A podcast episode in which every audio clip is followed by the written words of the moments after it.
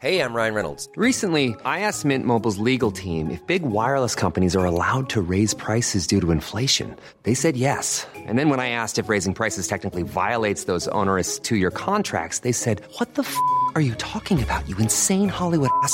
F- So to recap, we're cutting the price of Mint Unlimited from $30 a month to just $15 a month. Give it a try at mintmobile.com slash switch. $45 upfront for three months plus taxes and fees. Promo rate for new customers for limited time. Unlimited more than 40 gigabytes per month. Slows. Full terms at mintmobile.com. Hiring for your small business? If you're not looking for professionals on LinkedIn, you're looking in the wrong place. That's like looking for your car keys in a fish tank. LinkedIn helps you hire professionals you can't find anywhere else, even those who aren't actively searching for a new job but might be open to the perfect role. In a given month, over 70% of LinkedIn users don't even visit other leading job sites. So start looking in the right place. With LinkedIn, you can hire professionals like a professional. Post your free job on linkedin.com slash people today. Kvinnen med den tunge koffert kommer hjem er laget i samarbeid med Podimo. Har du lyst til å høre alle de ni episodene, kan du allerede nå høre hele sesongen. Kun i Podimo-appen. Du lytter til en podkast fra Third Air.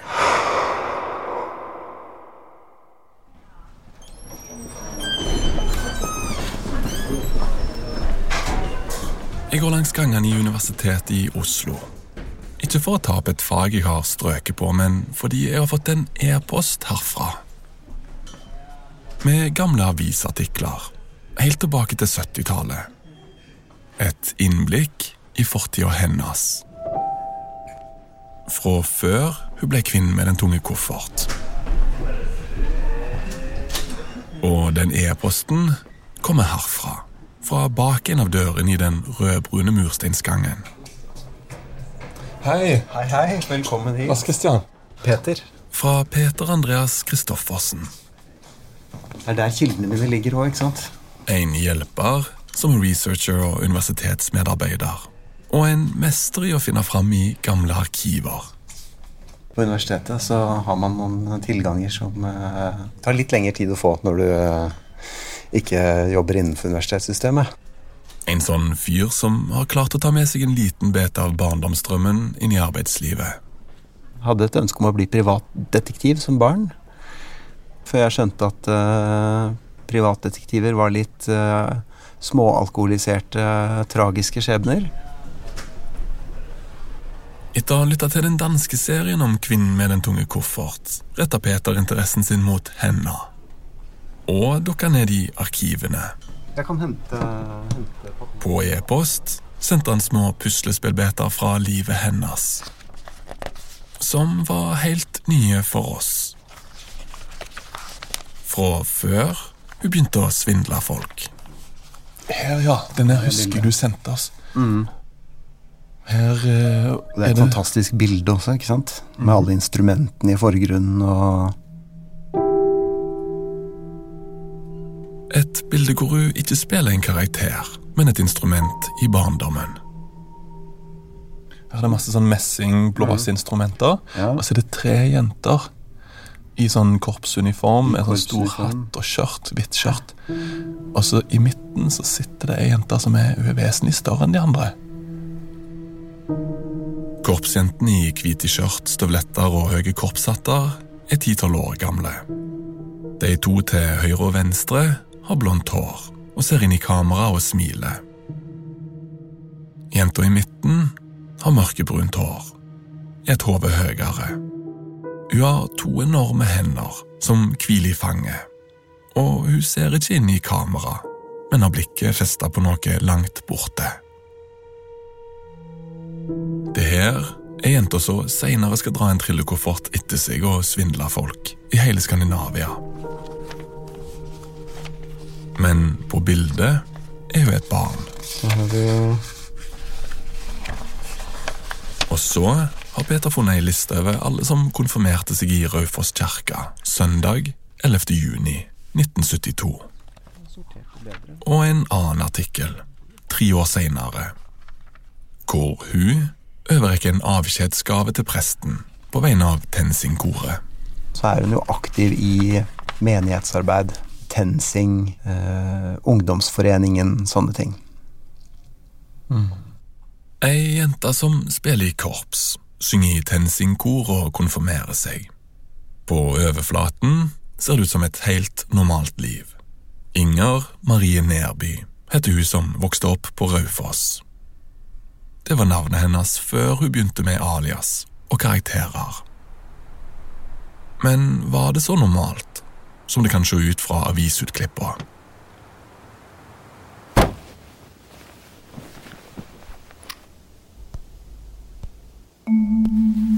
Destinasjonen din er Raufoss. To timer og to minutter.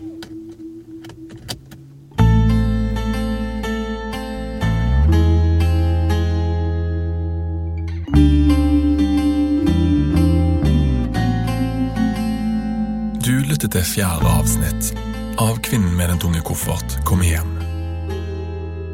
Som du kanskje husker fra forrige episode, bestemte jeg meg for å ikke følge i sporet hennes videre, etter hun forsvant ut av vinduet på kikkutstua i Nordmarka. Fordi, ja Jeg vet allerede hva jeg kommer til å finne. Et nytt svindelnummer. I stedet skal jeg tilbake i tid. Vi har kalt denne episoden Tilbake til barndommen. Barndom er ikke bare tid, det er jo et sted. I Inger Marie Nærby tilfelle er det Raufoss. Det er der jeg er på vei nå.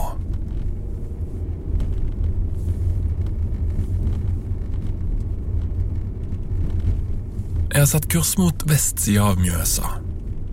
På utsida av bilen kommer snøbrøytekanten høyere og høyere opp i bilruta, til lengre inn i innlandet jeg kjører. Jeg er fortsatt stiv i korsryggen etter et hopp på ca. 2,5 meter ned fra taket på kikkutstua. I et forsøk på å følge i fotsporene til kvinna med den tunge koffert. Og svinge av på en bensinstasjon for å strekke på beina få meg en kopp kaffe. Og for å ringe Christer. How are you? I'm pretty good. How are you? Where are you? For det er et spørsmål jeg tror det kan være lurt å ha med seg til Raufoss. I just pulled over um, in a gas station on the way from Oslo to, to Raufoss. Right. I thought you were going there. But I was wondering if you could help me answer a question. You know, we've, we've covered the modus operandi, like how she does it. But Yeah. what kind of people did she particularly fool? Like, who did she aim for? Priests. Priests? yeah. A lot of people from the church and, and a lot of priests. right. But things to do with religion and um I don't know why. You don't know why. You know, I have a, I have an idea that that is a smart audience to have. Right. A part of a priest's job is to open your door Right. if someone is knocking, right? Hmm. Which he kind of depends on, you know? It's the story that allows her to to get to the next steps. Exactly. Yeah. But why priests?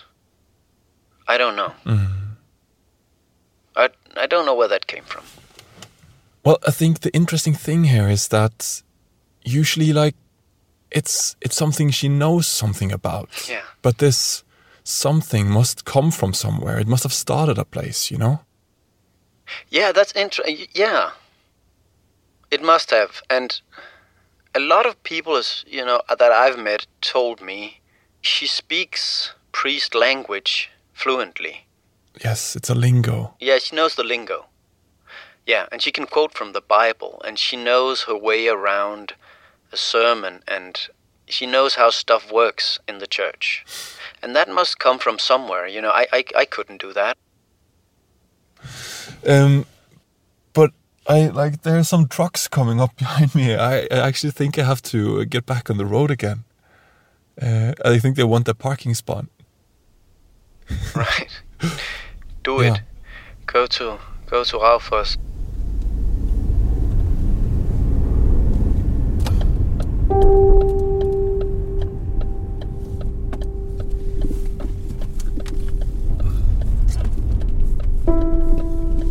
Jeg har begynt å ringe navnet på lista jeg fikk fra hjelperen på universitetet, av de som konfirmerte seg med Inger Marie Nærby i 1972. En av de er Ådne Vestnes, som hun gikk i klasse med henne på Raufoss fra første til syvende. Vi gikk i samme klasse, bare liksom 22-23 elever. det. Han husker et skuespill de to var med på i fjerde klasse. Husker du hva skuespill det var? Jeg lurer på om det var prinsessen, nei, prinsen som lærte å lese, tror jeg. Prinsen som lærte å lese? Ja, Husker du hvilken rolle hun hadde, da? Jeg lurer på om hun var, dronningen, jeg. For jeg tror jeg spilte prinsen. Du var prinsen, ja. Flere på lista sier de kan snakke, men vil ikke bli tatt opp. Jeg får lov til å ta opp på min side av telefonsamtalen med noen. Når du kun hører min stemme, er det fra et av de intervjua. Som ei jente fra klassen som var med henne hjem, og forteller at det ikke bare var på scenen på barneskolen hun levde seg inn i livet til de rojale. Rommet hennes var tapetsert med kongefamilien. Ja. Ukeblad og avisutklipp sånn tett i tett på veggen, liksom. Mm. Men besøk på barnerommet til Inger tilhørte sjeldenhetene. Flere forteller at hun på ingen måte ble mobba, men heller ikke hadde nære venner. Det er særlig ett bilde som illustrerer det. Klassebildet er fra første. Tre rader med barn i 60-talls strikkegensere og cardigans. Men Inger Marie skiller seg ut. Inger Marie står veldig alene. Ja. Hvis du ser, Hun står på en måte eh, nært lærer. Og på en måte ingen veldig tett innpå seg, mens du ser en del andre jenter liksom søke litt sånn sammen. Andre forteller at hun løy om småting allerede da, som hvilken karakter hun fikk på prøver. Men det skilte seg ikke særlig ut fra de andre barna. Det alle jeg har prata med egentlig er enige om, er at de ikke kan peke på noe spesielt fra de første åra, som forklarer at du skulle bli svindler. Hvis du ser på det barneskolebildet, hvilke forskjellige skjebner den gjengen fikk. Fra gode suksesshistorier til vanskelige og til folk det ikke gikk så bra med. Mange det på en måte gikk, hadde nok et, et verre liv enn det hun hadde. Men, men hennes vei var, ble jo veldig spesiell, da.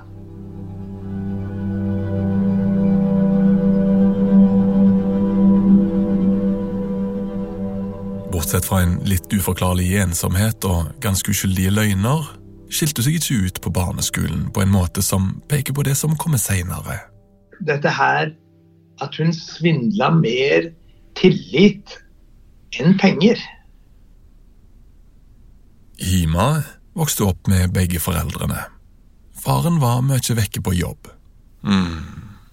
Så du fikk inntrykk av at hun knytta seg ekstra mye til mor si, liksom? I og for seg ikke uvanlig på 60- og 70-tallet. Nei, det er jo ikke mye i forhold til en far som er sjømann, for eksempel. Men så begynner mora å bli sjuk. Hun får flere lengre opphold på et sykehjem. Ja. Som jeg forstår deg rett, da, så tenkte ikke du på henne som ensom, selv om hun ikke hadde jevnaldrende venner fordi hun søkte seg til voksne? Og det er i denne perioden, etter mora blir sjuk i de tidlige tenåra til Inger, at ungdommene på Raufoss møtes i sentrum etter sommerferien. Hvor vi liksom møtes, møtes på to- torget i Raufoss og liksom spør jeg, hva har vi gjort i sommer. Og da liksom svarer hun litt sånn mollstemt liksom ja, nei, hun hadde vært på Presteseter. Som da var et psykiatrisk eh, sykehus. Kanskje en indikator, men ingen forklaring på at hun skulle bli svindler i seg sjøl. Men løgnene har nå blitt flere, og det er særlig én ting jeg merker meg. For de som har konfirmert seg i Raufoss kirke i 1972, har nettopp hatt 50-årsjubileum. Da ble det jo for så vidt litt, litt snakk om Inger Marie, for da hadde hun jo nettopp eh, Da døde hun. Det var noen jenter der som nok hadde vært med henne hjem og liksom vært med henne litt mer. Og, og de huska en, en episode hvor moren hadde liksom litt sånn sagt ja, men liksom, jeg, At dere vil være sammen med Inger, liksom. Det var jo ganske hårreisende. At mor, mor til venninnen stiller spørsmålstegn at vil dere liksom virkelig være med henne her, liksom. Ei mor som stiller seg uforstående til at de andre barna vil være med hennes egen datter. Det høres ikke akkurat ut som uforbeholden kjærlighet. Um, var det prest eh, Martin Enoksen som konfirmerte dere? Ja da, det var det. Mm. Uh, og da har du også fått med deg historien om håper si, ryktene, kanskje. Ryktene eller historien skal vi komme tilbake til. For de finnes alltid på en liten plass. Jeg kjører inn i Raufoss sentrum.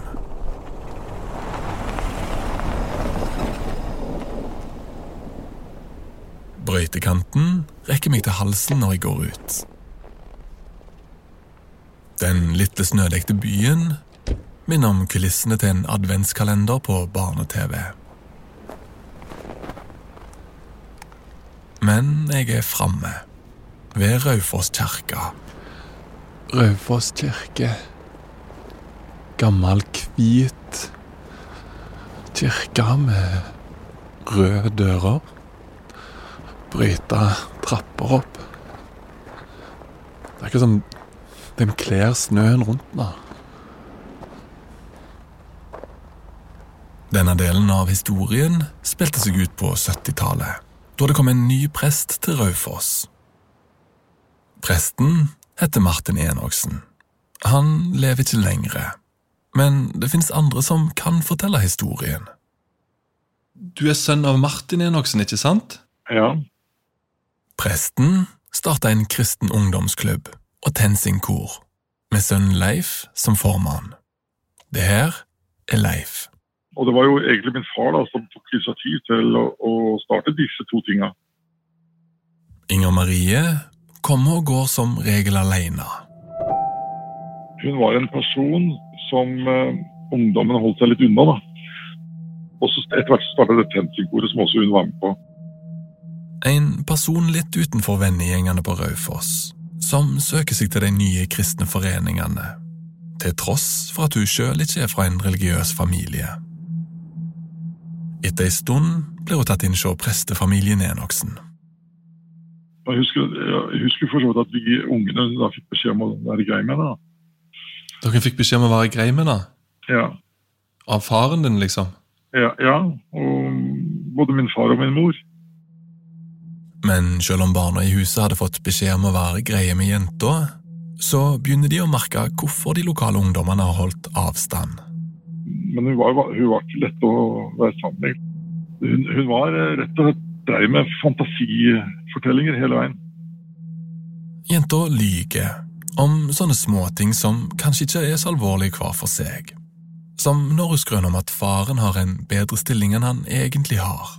Det som jeg husker, da, var at jeg trodde at hun var datter av stasjonsmesteren på Raufoss. Sa det var noen som var død i familien, og så var det ikke død. og så, ja, men da ungdommene begynner å lese til konfirmasjon hos presten et par år senere, dukker det opp en historie fra et fantasiunivers. Hun forteller til noen av jentene på konfirmasjonsgruppa si at hun har en relasjon til presten. Du hadde et forhold til min far. Til noen av de sier hun til og med at hun har en hvit brudekjole. Og da var det slutt. En usann fortelling men prestefamilien kan ikke ha noe hjemme hos seg lenger. Så måtte man jo bare rydde opp i det, og så, og så fikk jeg beskjed om at da kunne jeg ikke komme lenger.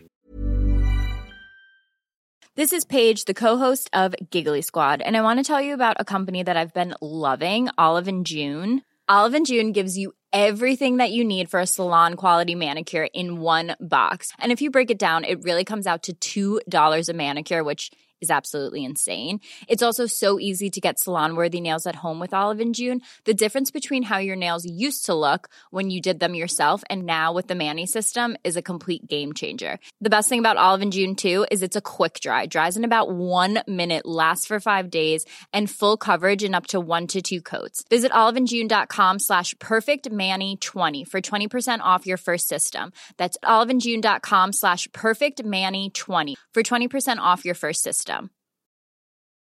Burrow is a furniture company known for timeless design and thoughtful construction and free shipping, and that extends to their outdoor collection.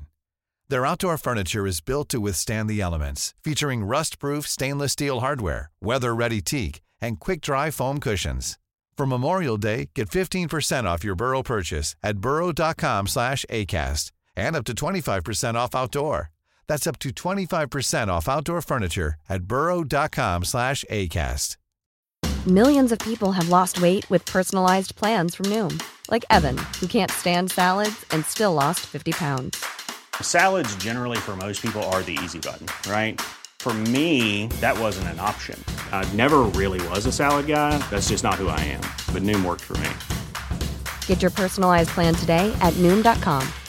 Real Noom user compensated to provide their story. In four weeks, the typical Noom user can expect to lose one to two pounds per week. Individual results may vary.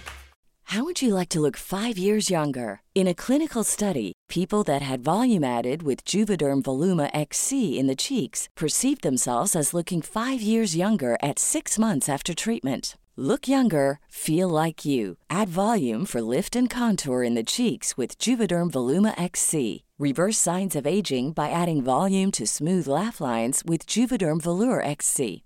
For important safety information and to find a licensed specialist, visit juvederm.com. That's J U V E D E R M.com. Not for people with severe allergic reactions, allergies to lidocaine, or the proteins used in Juvederm. Common side effects include injection site redness, swelling, pain, tenderness, firmness, lumps, bumps, bruising, discoloration, or itching. There's a risk of unintentional injection into a blood vessel, which can cause vision abnormalities, blindness, stroke, temporary scabs, or scarring. Talk to a licensed specialist to find out if it's right for you. Jeg tror ikke den 15 år gamle Inger Marie forsto konsekvensen av denne løgnen. Relasjonen betyr at de hadde sex, og brudekjolen at de skulle gifte seg. Hennes første kontakt med et prestehjem, men de må avvise henne, skyve henne fra seg igjen. Det må ha vært vondt for den 15 år gamle Inger Marie. Skal vi se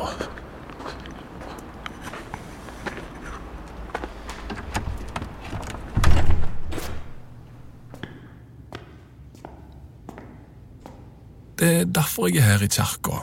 Fordi jeg sa vi skulle komme tilbake til ryktene eller historien, som klassekameraten Ådne spurte om jeg kjente til. For i 1975 dukker hun opp her igjen. Og det er her, like før hun drar hjemmefra for godt.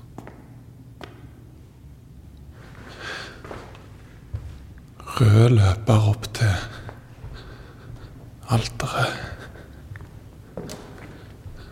Utrolig vakker kirke. Den 8. juni 1975, for å være helt presis. Tre år etter konfirmasjonstida, hvor presten måtte skyve henne fra seg. Her satt du, på fremste rad i 1975. Med hendene rundt en blomsterbukett. Jeg vet det her fra en gammel artikkel fra Oppland Arbeiderblad jeg fikk fra hjelperen på universitetet. Det er prest Martin Enoksen sin avskjed til menigheten. Han skal flytte hjem til Stavanger-traktene. Men det er noe med denne scenen som fascinerer meg. Og presten sto helt framme og så utover menigheten som han tok farvel med. For på en måte skjer det ikke så mye. På en annen måte så er det nettopp det de gjør. Det må ha vært ganske trykka stemning. Men det skjer mellom linjene, og foran alle sammen. Inger Marie sitter nede i salen. Hun er 17 år nå. I fanget har hun en blomsterbukett, og sannsynligvis følger hun presten med blikket. Han skal holde en avskjedstale for menigheten.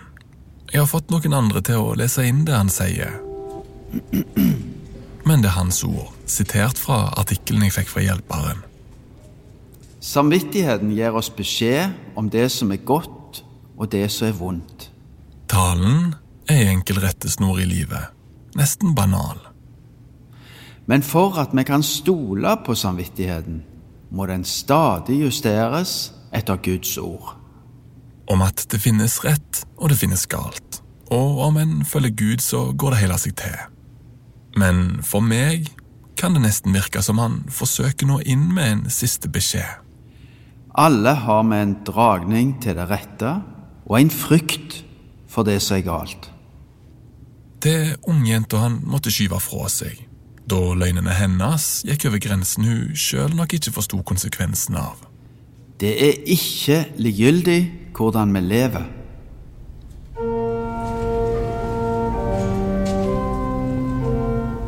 For når talen er ferdig, er det Inger Marie som reiser seg i salen og går opp med blomsterbuketten. Menigheten kjente til historien hun hadde fortalt om relasjonen og brudekjolen.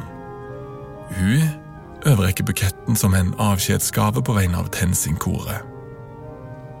Det er noe raust og nesten medmenneskelig over det hele fra prestens side. Nesten som en form for en tilgivelse på et unnskyld han aldri fikk. Hvordan, hvordan reagerte din far på dette her? Mens det foregikk der oppe, så snakka vi ikke så veldig mye om det. Og han var en person som ikke ville snakke stygt om andre mennesker. Han sa bare at han hadde fulgt med henne i det som var i media, og så, så det var liksom ikke så veldig mye mer det. Men, men det som jo, som jo, virkelig går igjen, som jo spesialiserer seg på senere, det er jo prester. Ja, det har jeg sett i media. Mm. Altså kirkelige folk, da. De, de, vil eh, ta vare på et menneske som de ofte oppfatter er i, i nød. da. Så, så um, det begynte sikkert hos oss, på en måte. Uh, når hun kom til oss da som, som tidlig tenåring.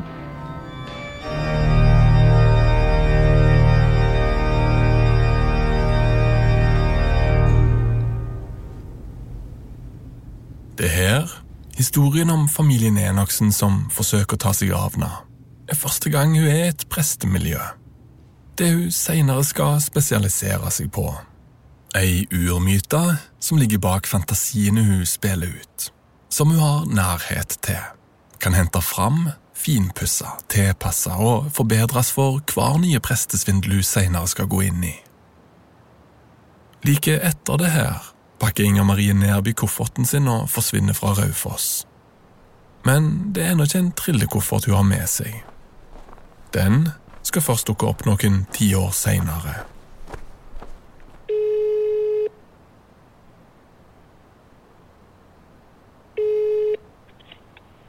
Hey, Lars Christian. Where are you? Yeah, that's why I'm calling you because I'm outside the home where she grew up. All right. Her brother lives here now. Yeah. I'll just check the mailbox to be sure. I mean, If, if it's him. yeah, the entire thing that the mailbox is on is just covered in snow. Right, so you have to brush it off. Uh, yeah, just a second.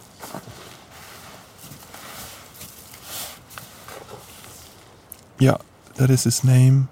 That is his partner's name. Yeah, and that's the street address. So he's still there. In the childhood home. Yeah, nice, neat. Got this, like these branches that is put together as a heart on the door. Oh. Feels so intrusive and creepy. Fucking lurking, voyaging. Yeah, what what are you gonna do? yeah, what am I gonna do? The, I mean, you know, in one way, it would be nice to hear more about how she grew up and everything. Uh. At the same time, I've I've talked to her classmates now.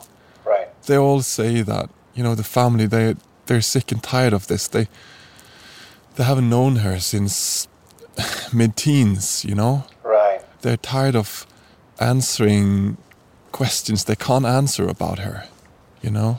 Right. And there is kind of this feeling, I think, that they're kind of held accountable for what she does.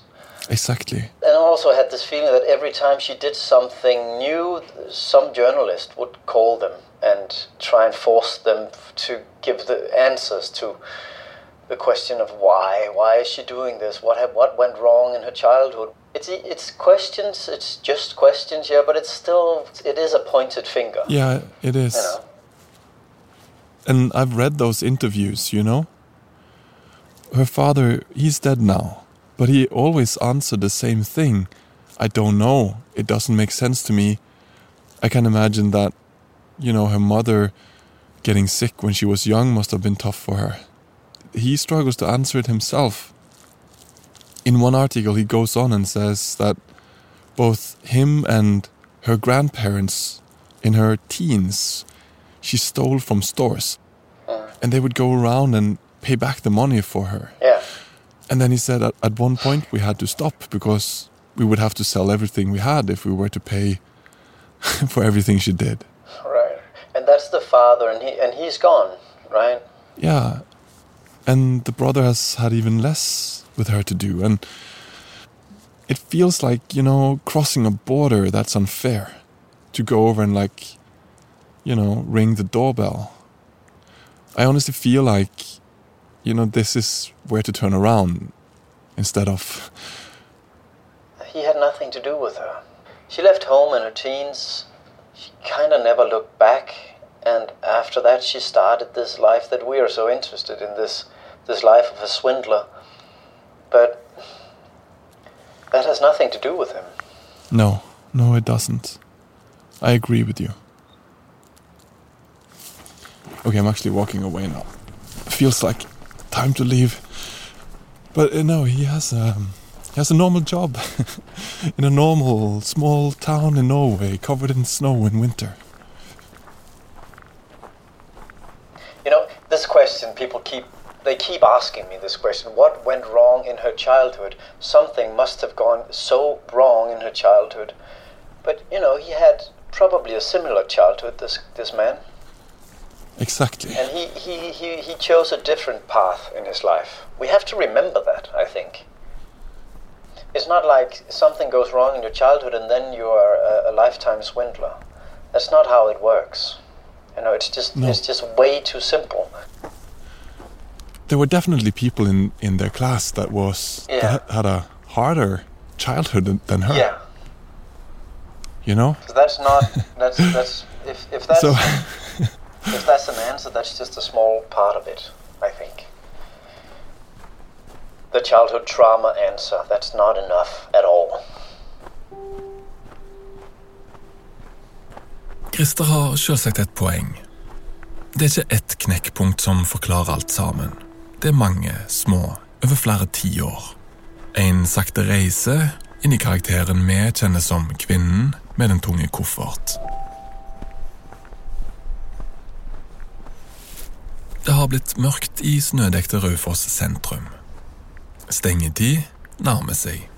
Butikkeierne kommer ut fra lokalene sine, tar tak i åpningsskiltene ute på gata, trekker de baklengs med seg inn i butikkene igjen og slår av lyset. Men i ei lita sidegate lyser det ennå i butikkvinduet.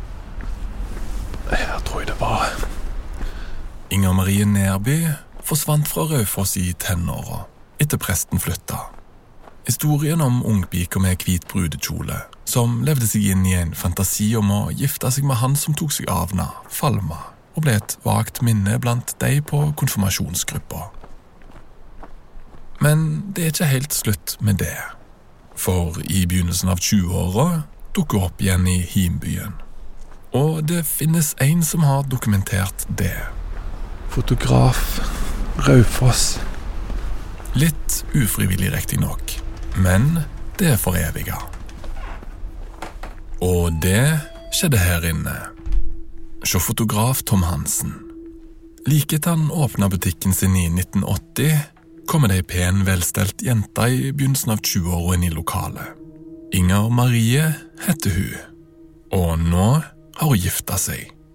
Men det har oppstått et problem. Og så fortalte hun det at uh, hun hadde vært og fotografert seg hos en annen fotograf, og så var det ikke Bildene av henne var ikke gode. Så derfor ville hun ha nye bilder av seg sjøl. Tom setter opp en time, og hun dukka opp som avtalt for å bli fotografert. Alene. Og kom i full brudestas og hele pakka. Og vi fotograferte bilder av henne og syntes jo det var trist at Men hold an, hadde du på seg brudekjole? Ja, ja, ja. Hvit brudekjole? Hvit brudekjole. Ja, ja, ja. Og fullt pynta og For det var jo ei pen, ordentlig dame. Jente. Tom begynner å spekulere på hvilken fotograf som kan ha vært uheldig med bildene sine. De begynner å prate litt, vise fram bilder til folk som er innom butikken. Da kommer den første overraskelsen. Ja, hvem er dette? Og så viste de Å, hun, ja. Hun er jo ikke gift. Jenta som står alene på brudebildet, stelt på håret, sminka og i hvit kjole, er ikke gift. Men hun er heller ikke ferdig hos fotografen. Ja, ikke så noen uker etterpå. Da kom hun igjen med en liten unge og skulle fotografere ungen sin. Hun kommer til Tom med et to år gammelt barn og tar en serie med bilder. Åtte sånne prøvebilder i et album. Tom legger seg ikke opp i hvordan det henger sammen. Hun var jo ikke gift. Men altså, Du kan jo ha en unge for det, men altså, vi fotograferte, men da fikk vi òg greie på at det var jo ikke ungen hennes, det var en unge hun hadde lånt av noen andre. Så det var uh... Men hun har ikke lært seg å bruke karakterene til å svindle folk ennå. Men betalte du for seg? Ja, hun betalte for seg, og var, det var ikke noe sånn sånne greier på det.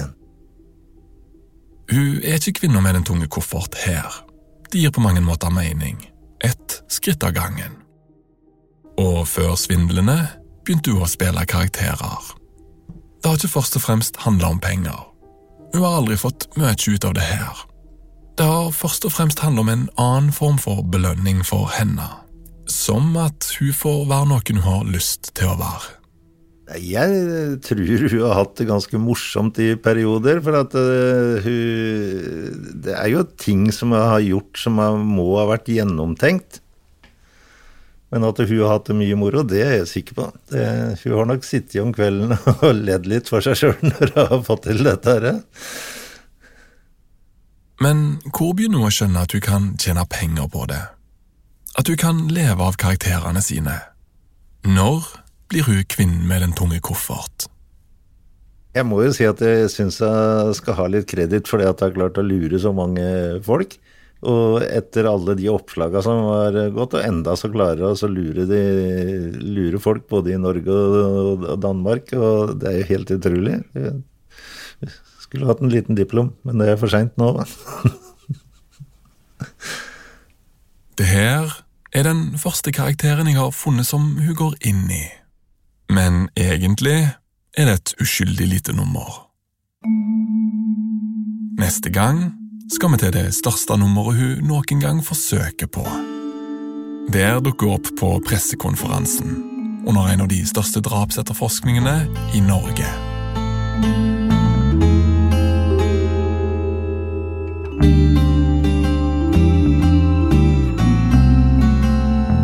Fra Third Air og Podimo. Du har lytta til fjerde episode av Kvinnen med den tunge koffert kommer hjem. Tilbake til barndommen. Hvis du vil binge alle episodene med en gang, kan du gjøre det i Podimo nå. Historien er tatt opp, skrevet og fortalt av Lars Kristian Øverland. Den er gjort etter en idé av Christer Molsen, som òg er produsent. Anne Obel har gjort lyddesign, skrevet originalmusikk og miksa episoden. En ekstra takk til Tim Hinman, som både har laga musikk og hjulpet til med dramaturgien. Og ikke minst takk til Rasmus Spitz, Fredrik Nielbo og Nora Brømseth for veldig god hjelp i redaksjonen. Eksekutiv produsent er Joel Silberstein Hont, og Martin Jonsson er ansvarlig utgiver på Third Air.